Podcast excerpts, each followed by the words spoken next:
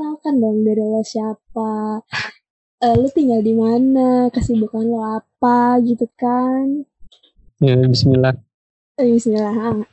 Nama gue Fursan. Mm-mm. Terus, Untuk saat ini lagi kuliah strata 1 di Universitas Al-Azhar Kairo. wow. Uh. Beijing.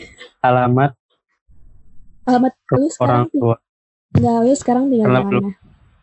Ya, belum punya rumah sendiri jadi alamat orang tua di Di?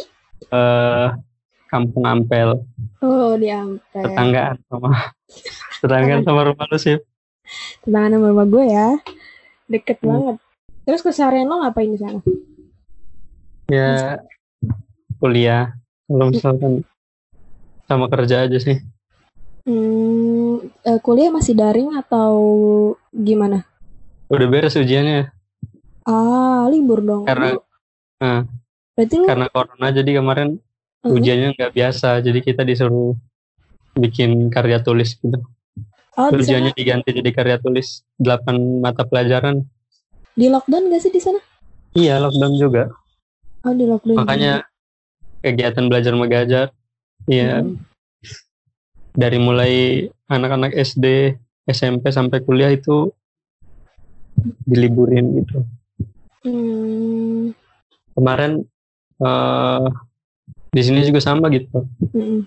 kayak susah nyari kerja terus jam kerja dikurangin Iya. mm-mm. pendapatan juga berkurang Iya. Terus banyak yang dirumahin atau nggak di-cut gitu kan kerjaannya. Iya. Gue kan waktu ng- ngabarin lo tentang bikin podcast hasil culture ini, lo kan research nih. hmm. Menurut lo gue cuma nonton satu video sih video siapa tuh?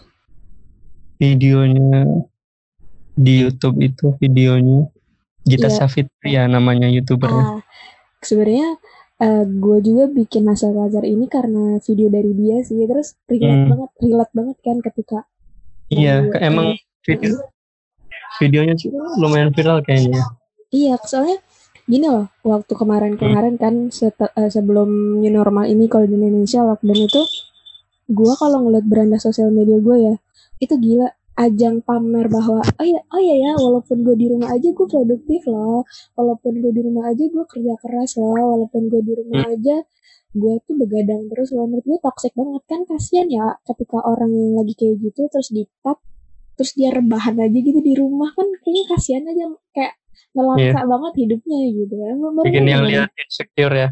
Iya. Kalau berdasarkan yang gue cari-cari sih, Mm-mm. Banyaknya kerjaan itu nggak menandakan lu itu produktif gitu Mm-mm, bener Hmm. jadi jadi yang menandakan lu produktif tuh apa nah ini gue kemarin sempet research ya Mm-mm.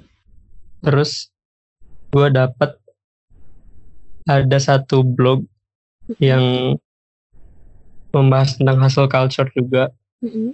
Nah, dia bilang produktivitas itu ditentukan dari perbandingan input dengan output.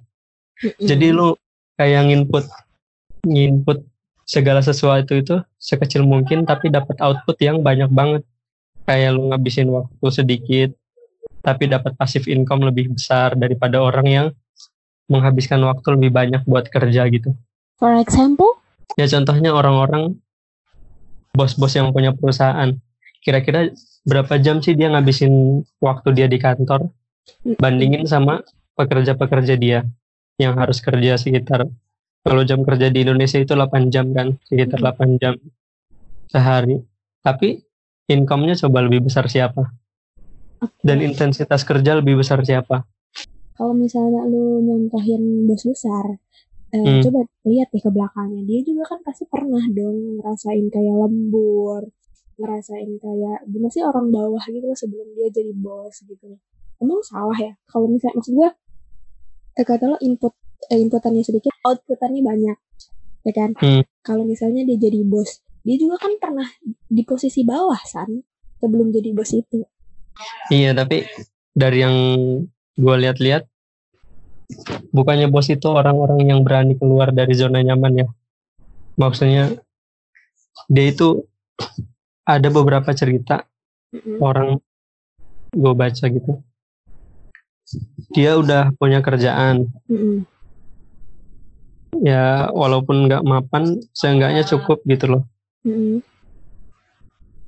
tapi akhirnya kerjaan yang udah dia dapetin itu dia tinggalin Untuk kayak bertaruh gitu loh Maksudnya, untuk uh-uh. ngebuka bisnis yang baru ah, hmm. mempekerjakan orang akhirnya dia orang-orang yang kayak gitu justru yang lebih banyak jadi bos daripada orang-orang yang kerja sama orang terus menghabiskan waktunya berjam-jam di kantor tapi dengan pendapatan yang tetap demi pendapatan yang tetap gitu cuma ujung-ujungnya kayak jadi money slave gitu gak sih Jadi apa? kayak, kayak jadi budak korporat gitu Oh, budak korporat. yang ya. nggak berani keluar dari zona nyaman iya Sebenarnya dan bangga dengan jam kerjanya dia penghasilannya dia yang segitu cuman kan nggak semua orang berani untuk ngambil resiko saat ya itu nggak semua orang berani makanya cuma sedikit orang yang berani dan sedikit orang yang bisa sukses kayak gitu Iya benar. Nah, menurut lo sebenarnya eh, kita boleh nggak sih gila kerja itu? kalau bilang kerja sebenarnya boleh-boleh aja cuma sesuatu yang boleh itu belum tentu dia itu baik gitu kan Mm-mm. Jadi menurut lo boleh? ya boleh-boleh aja Soalnya gini, cuma dia mm-mm.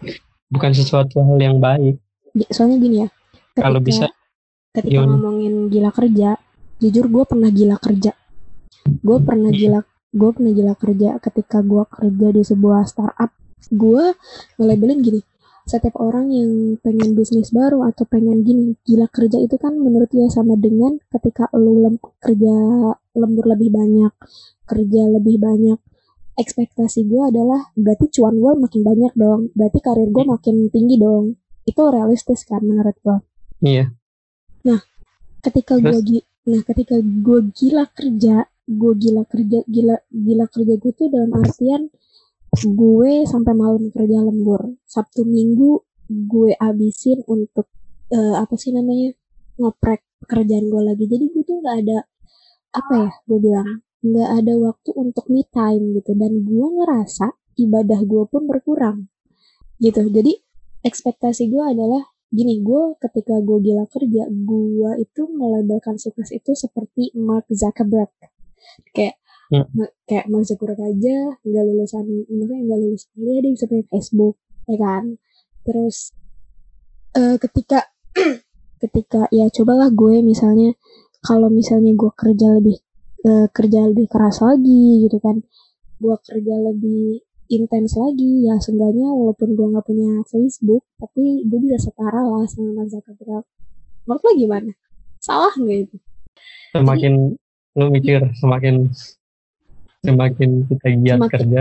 Ya semakin gini semakin gue lu eh, semakin gue gila kerja semakin gue banyak lembur semakin gue mikirin pekerjaan Hmm. gue berarti cuan gue makin banyak dong. Berarti karir gue makin meningkat dong. Berarti gue bisa sesukses Mark Zuckerberg dong gitu. Menurut lo gimana? Ketika eh, kerja keras itu di eh, spinal akhirnya itu disetarain sama si Mark ini gimana ya? Soalnya kalau menurut gue sendiri kesuksesan itu banyak faktornya. Bukan cuma etos kerja kita jam kerja kita yang banyak. Itu kalau diurutkan kayak faktor nomor sekian.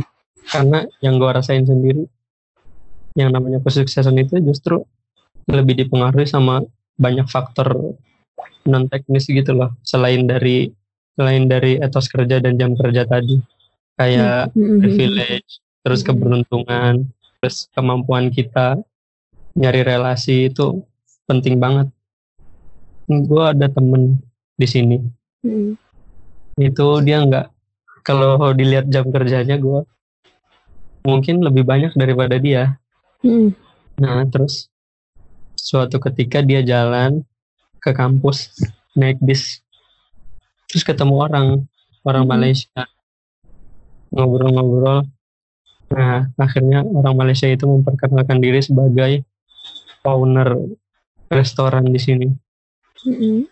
Nah karena dia lihat teman aneh ini pintar ngomong, terus orangnya jujur, akhirnya owner matam ini owner restoran ini dia bilang kamu mau gak bantu saya ngembangin restoran ini karena emang waktu itu restorannya lagi terpuruk gitu Tahu dari mana dia orangnya jujur kalau misalnya baru pertama kali ketemu? ya dari cara ngomongnya dia. Bisa kelihatan deh. iya. Kayak gimana ya emang ada beberapa orang yang punya kemahiran ngomong gitu. Dia menyampaikan sesuatu itu pesannya kayak bisa dapat ke orang yang dengerin yang dengerin omongan dia. Pernah gak sih ketemu orang kayak gitu Enggak. masa nggak pernah kayak dari awal first impression lu ketemu dia itu kayak wah orang ini baik orang ini jujur gitu loh Enggak, karena selama gue hidup dulu kadang selalu di gini, eh, selalu di apa ya, ketipu sama cover. Kebanyakan kalau gue jadi gue nggak pernah, kalau gue pribadi ya gue nggak pernah percaya eh, pada pertemuan pertama itu gue nggak pernah percaya. Kalau gue, iya cuma emang nggak semua orang kayak gitu sih. Pertama nggak semua orang bisa menginfluence orang seperti teman aneh ini. Kedua nggak semua orang bisa dipengaruhi di- di pertemuan pertama gitu. Ada beberapa orang yang susah percaya sama orang tapi kan nggak semua orang kayak gitu gitu. Ini cuma kebetulan aja. Kan kita lagi ngomongin keberuntungan nih. Wait, ini ngomong grogi apa gimana nih? Kayaknya endek-endekan banget nih. iya grogian nih Enggak, padahal nggak tatap muka loh ini, grogi banget. Santai aja. Jangan-jangan nggak punya teman perempuan lagi. nggak ada sih jarang banget apalagi yang diajak ngobrol kayak gini Berarti gue paling barbar dong ya temen lu. Buset. ya bisa dibilang gitu sih soalnya Oh, teman SMA gue juga yang cewek-cewek udah apa ya kalau nggak ada yang penting banget nggak bakal nanya Eh, kan ngomongin soal keberuntungan ya. hmm. Eh, ntar apa gue belum selesai cerita Oh, oke, oke lanjut. nah karena first impressionnya orang Malaysia ini ke temen aneh dia ngambil kesimpulan bahwa temen ini teman aneh ini Mm-mm. orangnya bisa dipercaya jujur dan pinter bangun relasi Mm-mm. akhirnya dipercayakan resto yang lagi terpuruk itu dipercayakan ke dia 50% Wow, langsung Saham. itu aja. ya secara cuma-cuma Anjir, saham 50% lagi. Gila. nah akhirnya di temen oke aja karena Hmm. nggak ada nggak harus bayar apa-apa dan nggak ada resiko apa-apa gitu loh Mata, Hmm. waktu itu restonya juga lagi terpuruk jadi dia nggak merasa terbebani tanggung jawabnya menurut dia nggak nggak terlalu berat lah. Nah terus dia tanganin restonya. Alhamdulillah dia pinter cari orang-orang yang mau kerja sama dia. Dan beneran restorannya bener-bener maju. Omsetnya tuh jadi berkali-kali lipat. Akhirnya dia jual lagi tuh sahamnya 50% dia jual ke orang. Eh, berarti sebenarnya masalah keber masalah sukses itu tergantung laki sih. Iya itu masalah-masalah kayak gitu tuh kayak Nah, lebih berpengaruh gitu loh lebih perannya lebih besar daripada masalah masalah-masalah teknis dalam kerja Oke, masalah laki nih. Eh, kan tep- eh, se- kalau misalnya lo pengen sukses kan harus lo yakin dulu. Itu kan masalah laki ya, Hmm. bukan laki-laki. Laki. Aduh, gue gak tahu pronunciation gimana laki. Nah, eh misalnya gini, ada orang A sama B. Si B ini Hmm. laki, si B ini laki.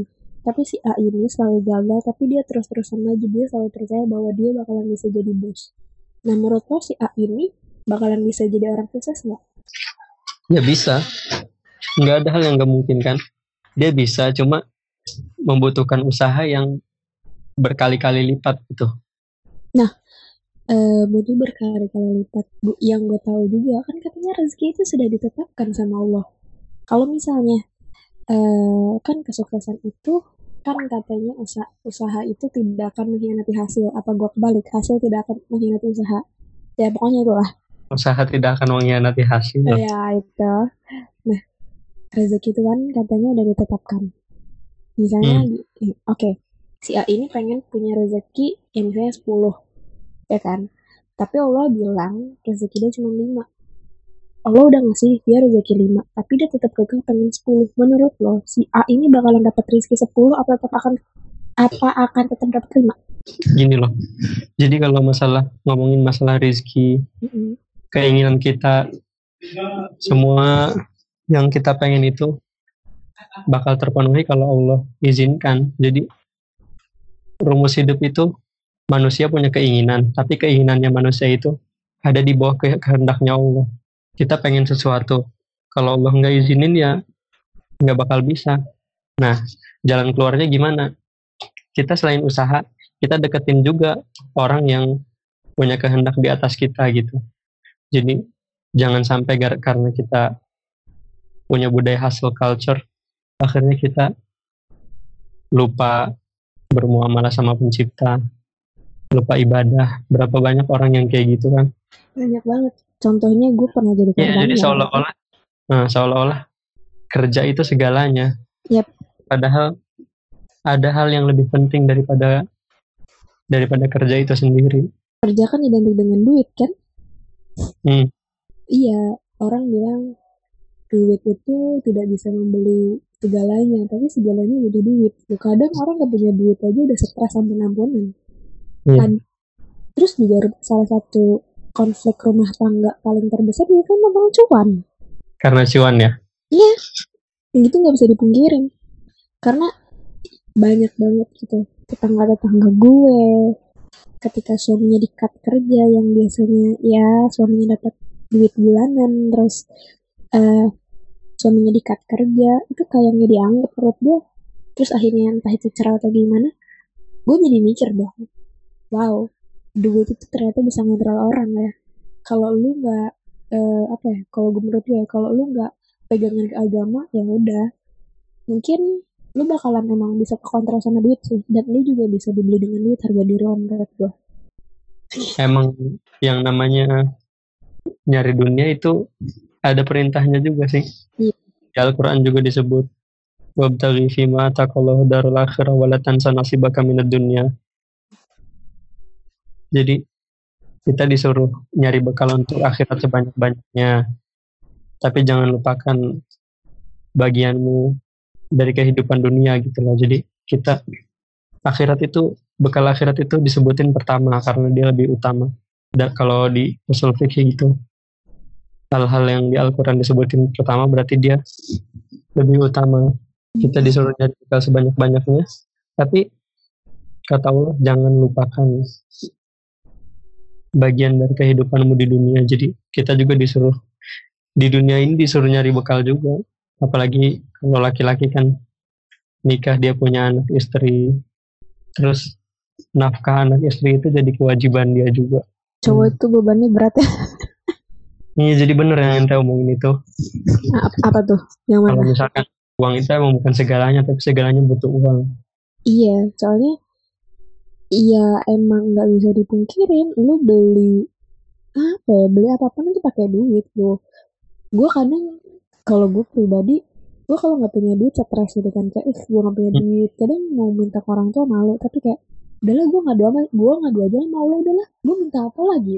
Tapi emang duit itu segala-galanya sih menurut gue tapi ya kadang gini gue sendiri ya kalau kadang di otak gue tuh misalnya selalu mikirin duit ya anjir gue mikirin duit aja kalau tiba-tiba hari ini gue mati. Terus gimana ya duit gue kan kagak bakalan bisa apa namanya nyuap eh, malaikat mungkar dan nakir ya. Jadi gimana? Pas lo minta itu? Mm-mm, lo minta nih mm-mm, berdoa. Mm-mm. terus doanya dibarengin sama usaha atau Eh, gimana? kalau gue pribadi eh usahanya iya. Jadi misalnya gue minta sesuatu nih gue minta nggak punya duit. Pokoknya gue minta sesuatu yang berhubungan dengan duit. Misalnya ya Allah begini begini Hmm. begini usaha gue kadang eh yang ngapain aja. Entah itu gue eh ngedesain ngedesain sesuatu gitu kan. Gue mikir ya Hmm. mungkin duit gue dat- datangnya dari desain kali. Ya itu gue nge podcast mungkin duit eh, suatu saat duit gue datang dari podcast kali. Itu sih menurut gue usaha yang udah gue lakuin. Gitu kalau Iya. gue enggak. Kalau gue kalau gue sendiri enggak tiba-tiba ya Allah gue ya udah saya pengen mobil mas. Begini aja kapan mobil kan gak akan turun dari langit bu. Harus ada jalannya juga. Iya. Tapi kalau untuk masalah hmm, pengharapan gitu Mm-mm.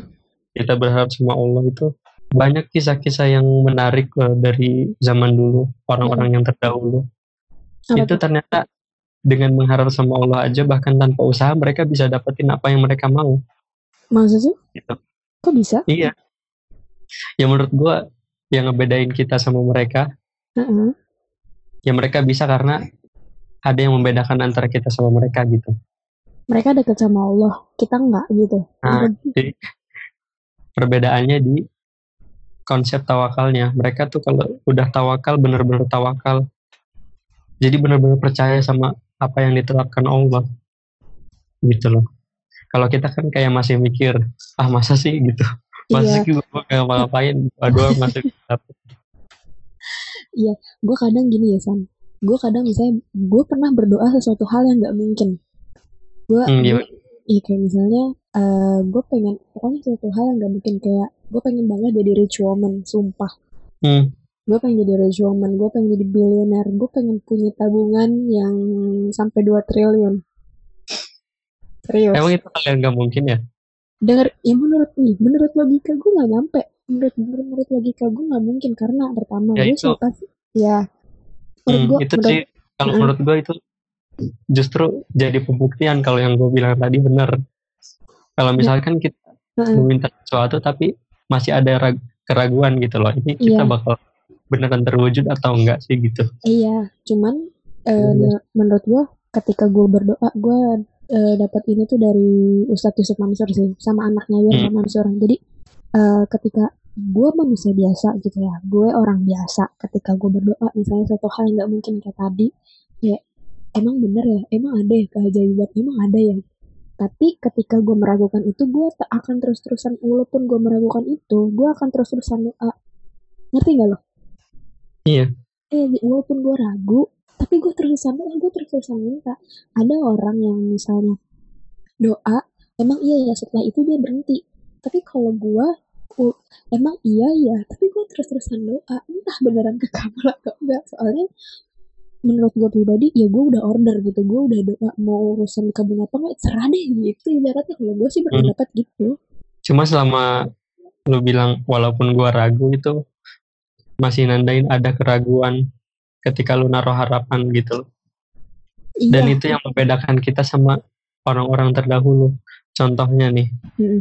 di kisahnya Maryam itu Maryam ibunya Nabi Isa alaihissalam Mm-mm. itu aneh rasa udah terkenal banget ya mungkin. Ente juga tahu sih. Apa tuh? Di Al-Quran disebutin. Falam eh gimana ayatnya kullama dakhala alaiha zakaria al-mihraba wajada indaha rizqa. Qala ya maryamu anna laki hadha? Qalat huwa min indillah. Innallaha yarzuqu man yasha'u bighairi hisab. Jadi diceritakan kalau masa kecilnya Maryam sampai dewasa itu kan di bawah pengasuhan Nabi Zakaria ya. Mm-mm. Maryam itu nggak pernah keluar kamar. Gimana? Nabi Zakaria tuh mikir gimana dia eh, untuk melepaskan hajatnya, terus makan, minum dan sebagainya. Jadi sesekali Nabi Zakaria itu ngecek gitu loh di dalam mihrabnya, di, di dalam tempat ibadahnya Maryam. Nah setiap kali ngecek Nabi Zakaria itu selalu mendapati makanan di sisinya, di sisinya Maryam karena penasaran. Bahkan seorang nabi pun penasaran, nanya, "Wahai Maryam, kamu dapat semua ini dari mana?" Terus Maryam jawab, "Itu dari Allah." Sesungguhnya Allah memberi memberi rezeki kepada siapa yang Dia kehendaki tanpa perhitungan. Gitu.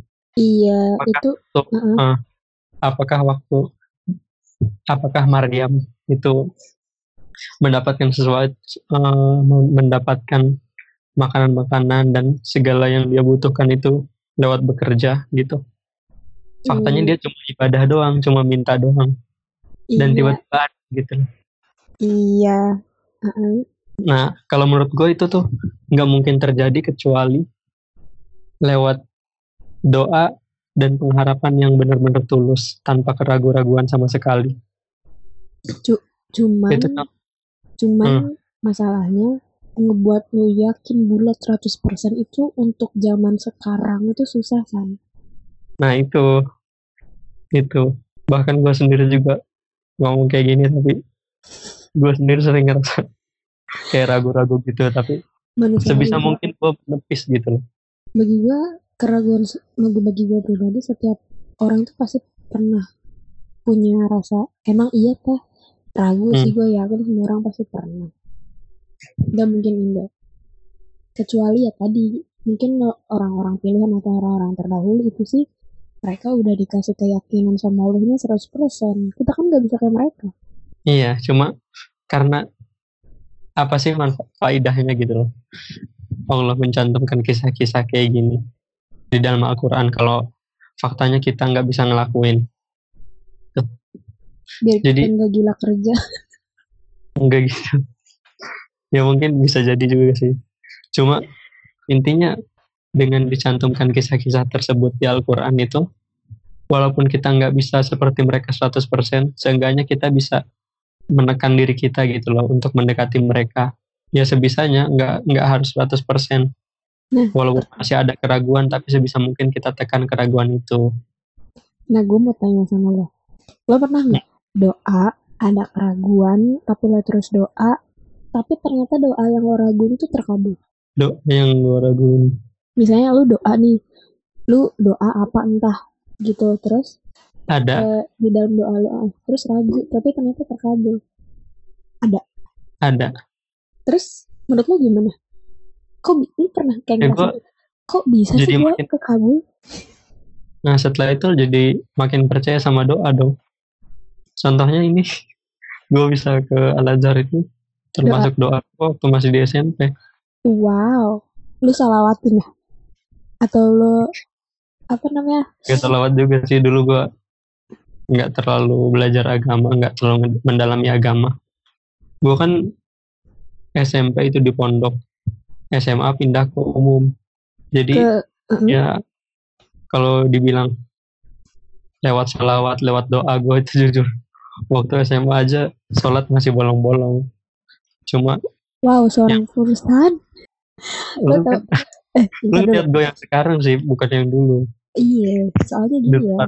yang gue tahu seimajinasi gue pursan itu adalah gue mulai gue ya gue mulai beli lu ada dengan pertama pursan wih pinter. Kedua wih agamis bu. Keluarganya kan keluarga agamis lu kan ya. Terus kata gue kayaknya dia nggak bersentuhan sama perempuan deh. Kayaknya dia ngobrol sama perempuan di agamis banget pemalu. Kalau ngeliat perempuan pasti nunduk deh. Sholatnya pasti rajin. Label gue tuh baik-baik semua di lu ngeliat gue yang sekarang doang sih nggak tahu kayak gitu ya? Parah dulu parah. Sholatnya senin kamis.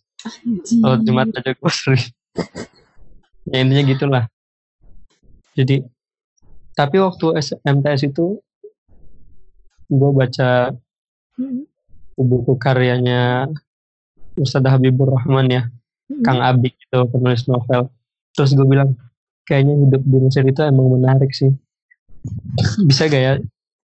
Gue nggak tahu ya itu bisa dikategorikan sebagai doa apa enggak cuma gue waktu baca itu beberapa kali bergumam. Bisa gak ya gue kuliah di sana? Gitu. Hmm, dan ternyata terkabul. Iya dan gue nggak pernah sangka kan jalannya tiba-tiba ada aja. Tiba-tiba ikut tes. Iseng-iseng lulus. Iya kan sesuatu hal yang iseng-iseng tuh kadang emang jadi sih. Hmm. Lu di di Mesir udah berapa lama sih? Di Mesir tiga tahun. Berarti udah lancar lah ya bahasa Arab. Iya sebenarnya kalau bahasa Arab sebelum ke Mesir udah lancar sih. Hmm. Karena sempat dua tahun kayak dua tahun itu masuk kampus khusus bahasa tiba sekolah tinggi bahasa Arab Menurut buat orang yang uh, kayak gue nih misalnya gitu. Gue termasuknya orang yang ma gila kerja sih enggak juga sih. Cuman kadang masih kepikiran cuan mulu. Jadi sebenarnya Mhm. apa sih yang harus dilakukan ketika anak-anak muda gue masih muda san? Ketika anak ketika anak muda itu eh, gila-gilaan banget kerjanya. Mereka selalu berdalih dengan gue gila kerja gue eh, kerja keras untuk hari tua gue gimana caranya? Eh, biar lu biar lu aman di hari tua tapi lu juga nggak terlalu gila kerja. Menurut gimana? Aman di hari tua. Jadi kan gini Ah. kalau nih gini Hmm. gue gue kalau misalnya gue gue gue gila kerja nih gue gila kerja itu pengen dapat cuan yang banyak nah eh salah satu dapat cuan yang banyak itu gue mengamankan hari tua gue biar hari tua gue gue nggak kerja keras. Ngerti nggak? Iya. gimana caranya ketika gue bisa menyelamatkan hari tua gue tapi di waktu muda pun gue tidak terlalu kerja keras? Gimana san? Caranya? Ya mau nggak mau kita harus investasi terus. Selagi masih muda nih kita cari eh, sumber penghasilan yang kita nggak perlu kerja keras tapi bisa ngedapetin bisa menghasilkan ya bisa menghasilkan cuan gitu. Kayak lo berusaha sebisa mungkin nyari kerjaan yang bisa bikin lo dapetin passive income. Ah jadi kalau kita udah tua kan nggak mungkin kita aktif kerja lagi. Mau nggak mau ngandelin passive income. Oh, berarti eh walau berarti gini kesimpulannya. Bukan kesimpulan sih yang gue tangkap walaupun lo kerja keras tapi kalau lo nggak investasi ya lo nggak bakalan bisa nyelamatin diri lo di hari tua gitu ya. Tapi iya tapi investasi itu ya yang gue lihat gitu sih. Gue kan di sini tiga tahun. Itu kerja di resto ya. Mm, terus gue lihat orang-orang yang jual beli saham gue ngamatin. Itu bisa jadi opsi juga sih maksudnya kita berani berani beli saham itu kan kayak bertaruh juga. Iya tapi masalahnya kan katanya saham itu haram. Kata siapa? Serius? Gue tuh sebenarnya enggak kata siapa? Nggak harus ada dikaji lagi tuh. Orang. Jadi gini gue tuh kan sebenarnya punya buku tentang invest. Jadi gue tuh eh, lagi mana sih lagi belajar invest? Invest yang gue ngerti cuman reksa sama eh, emas. Hmm. tapi kan investasi itu banyak ya macamnya. Ada saham ada pasar uang terus ada Iya. reksa ada deposit. Nah salah satu yang gue mau tanya sama lo adalah deposit itu haram gak sih? Deposit itu gimana maksudnya? Lu tau deposit gue udah lama gak belajar ekonomi di sini. Lu belajar eh belajar deposit. Lo deposit tuh deposit simpan uang kan? Dia nyimpan uang tapi uang lo akan bertambah. Uang lo bertambah itu karena bunga. Kalau nggak salah lima kenapa? Jadi gini misalnya lu na ibarat gini lu naruh duit setahu gue ya sorry kalau misalnya salah. Jadi setahu gue setahu gue misalnya lu naruh, naruh duit di deposit di, di bank di depositoin Hmm. 5 juta. Lo bakalan ngedeposit itu misalnya satu tahun atau dua tahun. Nah duit 5 juta lo itu akan bertambah nah duit lo yang 5 juta itu akan bertambah bertambahnya duitnya itu dari bunga dari bank bunga 5% itu haram nggak? kalau kalau dari bunga udah jelas haram bunga itu mau besar mau kecil tetap haram jadi deposit itu haram nggak? Nih kalau sesuai yang lu jelasin tadi, keuntungannya untuk orang yang naruh uang itu didapat dari bunga, gue yakin haram sih. berarti mending yang invest yang lain lah ya. Iya, kalau bedanya saham sama deposit, jadi gini kan, yang gue ambil, kesimpulan yang gue ambil itu, kalau deposit lu eh apa ya ihtimal kerugiannya? Apa ya bahasa Indonesia tuh? Kemungkinan lu rugi kemungkinan lu rugi itu 0% ya kan? Kalau de- kalau deposit ya. kalau masang deposit Mm. iya dan itu memberatkan orang lain gak sih? Orang yang minjem sama lu itu. Misalkan dia pinjem buat modal usaha ternyata usahanya nggak berhasil. Dan dia tetap harus bayar sesuai jumlah yang ditentukan. Itu menurut gue berat banget sih. Beda Tapi sama saham. Kalau lu kan itu urusannya sama bank mau sama gua. Ya bank itu dia kan dapat bunga dari minjemin orang kan? Iya. Ya itu udah jelas nggak perlu ditanyakan lagi. Kita udah jelas uang kita dikemanain. Makanya gue bilang gue nggak ragu lagi bilang kalau misalkan deposit kayak gitu kalau sesuai yang lo jelasin ya itu berarti haram. Nah bedanya sama saham. Mm. lo nyaham lo berinovasi sebisa mungkin berinovasi supaya tempat lo nyaham itu bisa maju. Dan kalau misalkan ternyata qadarullah tempat lo nanam saham itu bangkrut itu lo nerima kerugiannya gitu Iya. nah nilai nilai untung rugi lo itu tergantung sama berapa persen saham yang lo tanam di suatu tempat gitu jadi kalau bisnis yang kemungkinan ruginya 0% itu kalau yang sesuai gue pelaj- sesuai yang gue pelajari ya itu kemungkinan besar huk- hukumnya jadi haram Ah, jadi lu udah invest? Udah Wow. Dalam invest apa nih?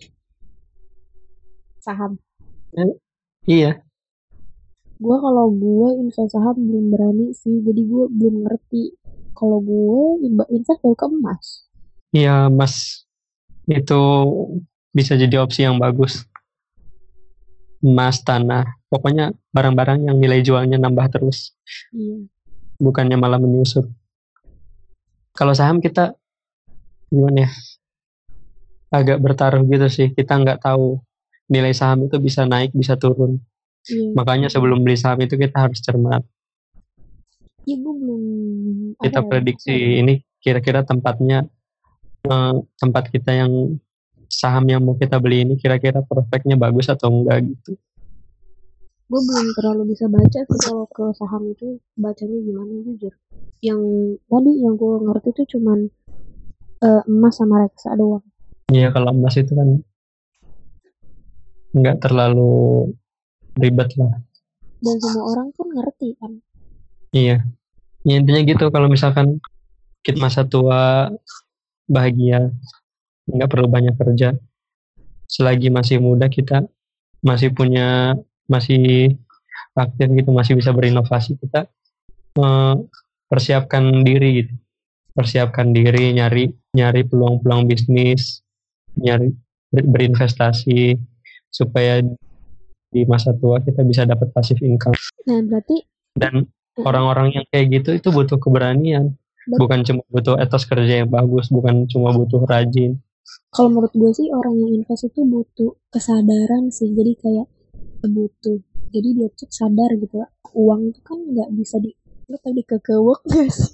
gimana gitu apaan tadi kekebun Jadi maksud gue kan ada nih orang ketika dia punya duit tapi dia itu nge ngekekewek tuh apa ya bahasa Indonesia-nya? Nge bingung gue bahasa Indonesia gimana?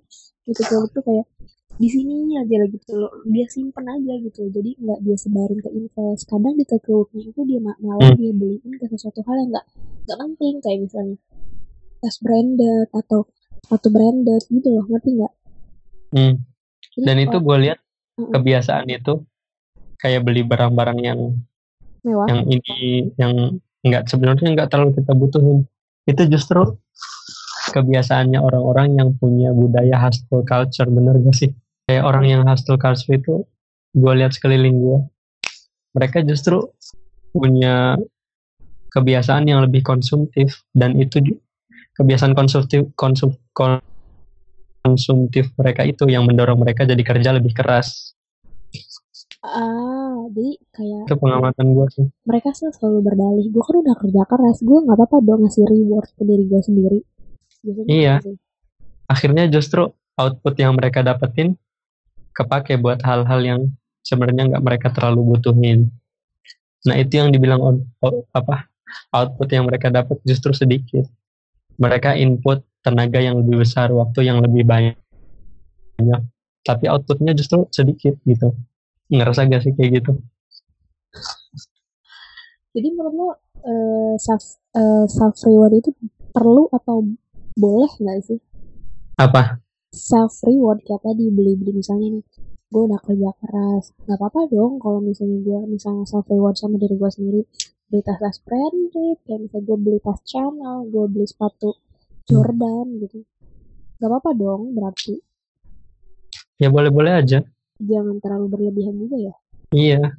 Dan kalau misalkan mereka bisa pakai uangnya buat nabung, terus buat buka usaha lain atau investasi di tempat lain, kenapa enggak gitu loh?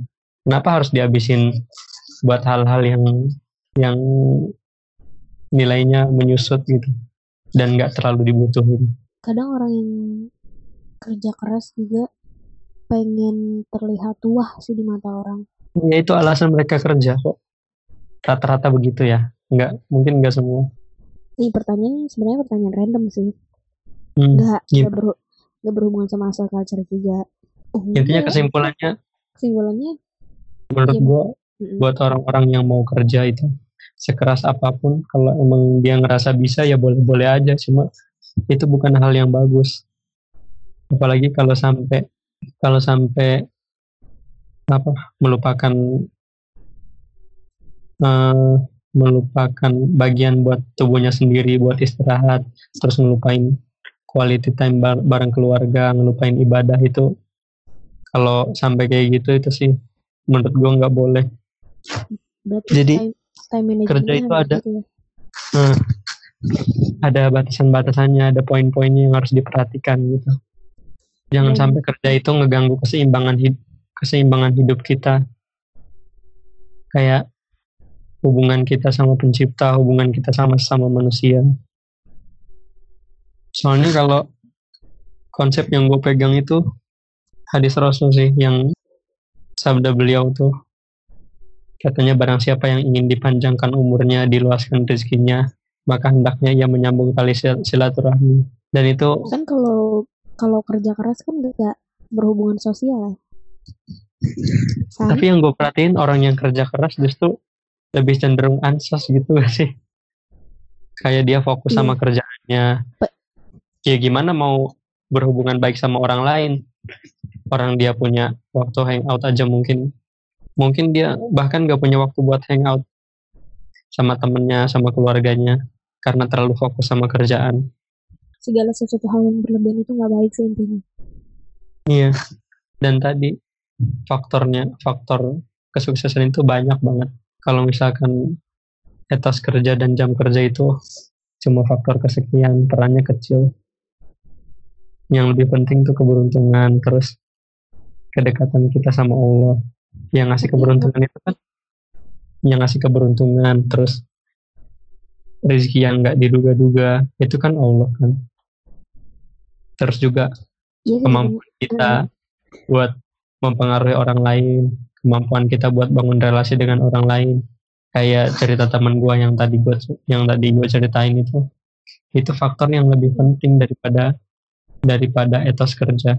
Hal yang paling menonjol sebenarnya tentang keberuntungan sih menurutku. Hmm, Karena nggak semua orang punya keberuntungan itu. iya bener. Makanya kita kalau mau beruntung mintanya ke siapa? Keberuntungan itu bukan sesuatu hal yang bias- bisa diusahakan, tapi kita bisa minta, ya kan? Iya. Ya banyak contohnya. Contoh temen gue tadi, terus contoh cerita Mariam. Itu mereka itu yang gue ceritain itu emang orang-orang yang dekat sama Allah sih ibadahnya kuat. Temen gue yang tadi gue ceritain juga termasuk orang yang ibadahnya kuat. Ini, oh ya. Ini sebenarnya Hmm. Gue mau na- tentang hasil culture is enough ya. Ini sebenarnya pertanyaan random aja. Dan Hmm. gue kepikiran? Gini. Gue tuh kemarin nonton film di Netflix soal Dark. Nonton gak lu? Soal apa? Itu tuh tentang time traveler, paradox, sama... Eh, pokoknya tentang daya tentang time traveler sama paradox. Nah, pertanyaan gue, eh, ketika lo, eh, apa sih namanya, seandainya ini mangan lah ya, yang ngayal aja dulu. Hmm. Dikasih kesempatan buat balik lagi ke masa lalu, apa yang bakal lo rubah? Yang bakal gue rubah. Mm-mm. Hubungan gue sama orang-orang di sekitar. Terus, Ya itu aja sih. Itu aja. Yang paling gue pengen. Iya. Karena sampai sekarang gue ngerasa karena gue dulu gimana ya gue bener-bener nggak bisa dibilang baik bener-bener nggak baik banget dulu Lo amburadul dulu. nah sampai sekarang gue sering kepikiran kayak gue pengen minta maaf sama ini sama orang ini pengen minta maaf sama orang ini tapi bakal dimaafin gak ya gitu bahkan ada orang yang dosa gue banyak sama dia dan orangnya udah pass away gitu. Nggak bakal bisa lagi gue minta maaf sama dia. Wow udah udah itu udah meninggal? Iya. Iya. Karena itu sumber bahagia kita tuh orang-orang di sekitar kita. Menurut gue gitu sih. Kalau sendiri kita nggak bakal bisa bahagia. Tahu gak eh, sahabat Usman bin Affan ya dia pernah bilang ehm, ada suatu riwayat ucapannya beliau radhiyallahu anhu beliau bilang sungguh kesendirian di dalam alam kubur itu lebih aku takuti daripada siksaan di neraka. Kenapa? Oh. Karena kita di neraka disiksa ramai-ramai. Sedangkan kita di alam kubur, kita ditanyai sendirian. Nggak ada siapa pun. Jadi, menurut beliau itu, kesendirian itu lebih menyiksa loh. Iya, daripada disiksa bareng-bareng. Iya. Tapi, mungkin beliau berpendapat seperti itu karena emang Utsman bin Affan itu salah satu sahabat yang dijamin masuk surga juga sih. Cuma kalau dipikir-pikir bener, sendiri itu benar-benar nyiksa banget. Sementara kita kalau di dalam hal sesulit apa pun, kalau misalkan kita bersama-sama, itu kayak kita berbagi beban. Jadi nggak terlalu kerasa berat ya kan. Mm-hmm.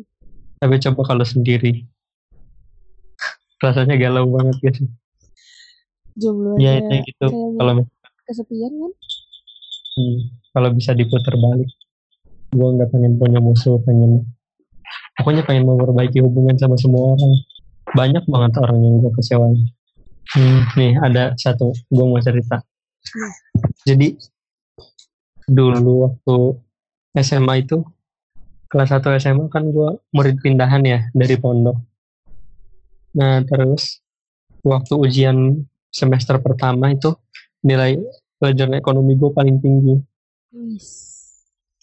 Nah akhirnya gue guru ekonomi gue menetapkan gue sebagai uh, pintar.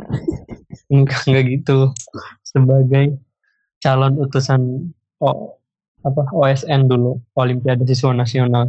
Waduh. Nah, kalau gue ngutus di bidang enggak gitu juga emang hoki aja keberuntungan biasa nah terus alhamdulillah tuh gue jadi utusan dari sekolah buat buat mata pelajaran ekonomi. Nah terus gue bimbel terus bimbel terus. Alhamdulillah tuh karena kesabaran guru gue ngajarin.